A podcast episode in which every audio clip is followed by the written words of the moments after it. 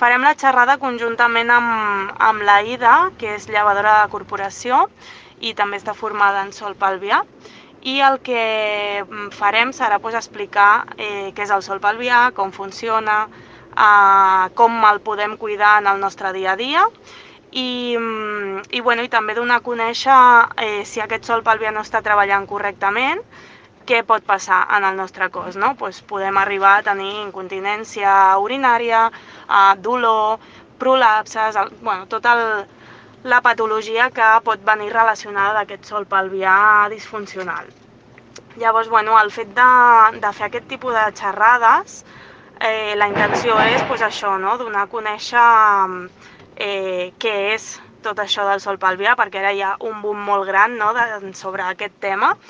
Eh, i, bueno, i sort que hi ha aquest boom perquè, perquè penso que és super important donar a conèixer això, bàsicament perquè hem, venim de mm, tenir una educació sexual, podríem dir, mm, nula o molt baixa, Llavors, pues, és necessari donar aquesta informació, que les persones sàpiguen eh, què és, què podem fer. I sobretot pues, que si tenen algun tipus de disfunció, de patologia, de dolor a la zona, que sàpiguen que es pot tractar i es pot millorar.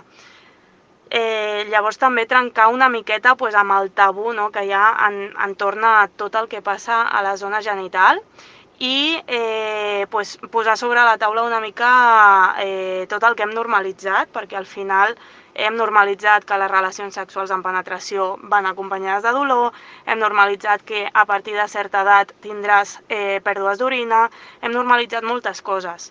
Llavors, eh, es tracta de mm, trencar una mica amb això perquè mm, que siguin coses habituals no vol dir que siguin normals i que hagin d'estar sempre i que no puguis fer res per millorar-ho.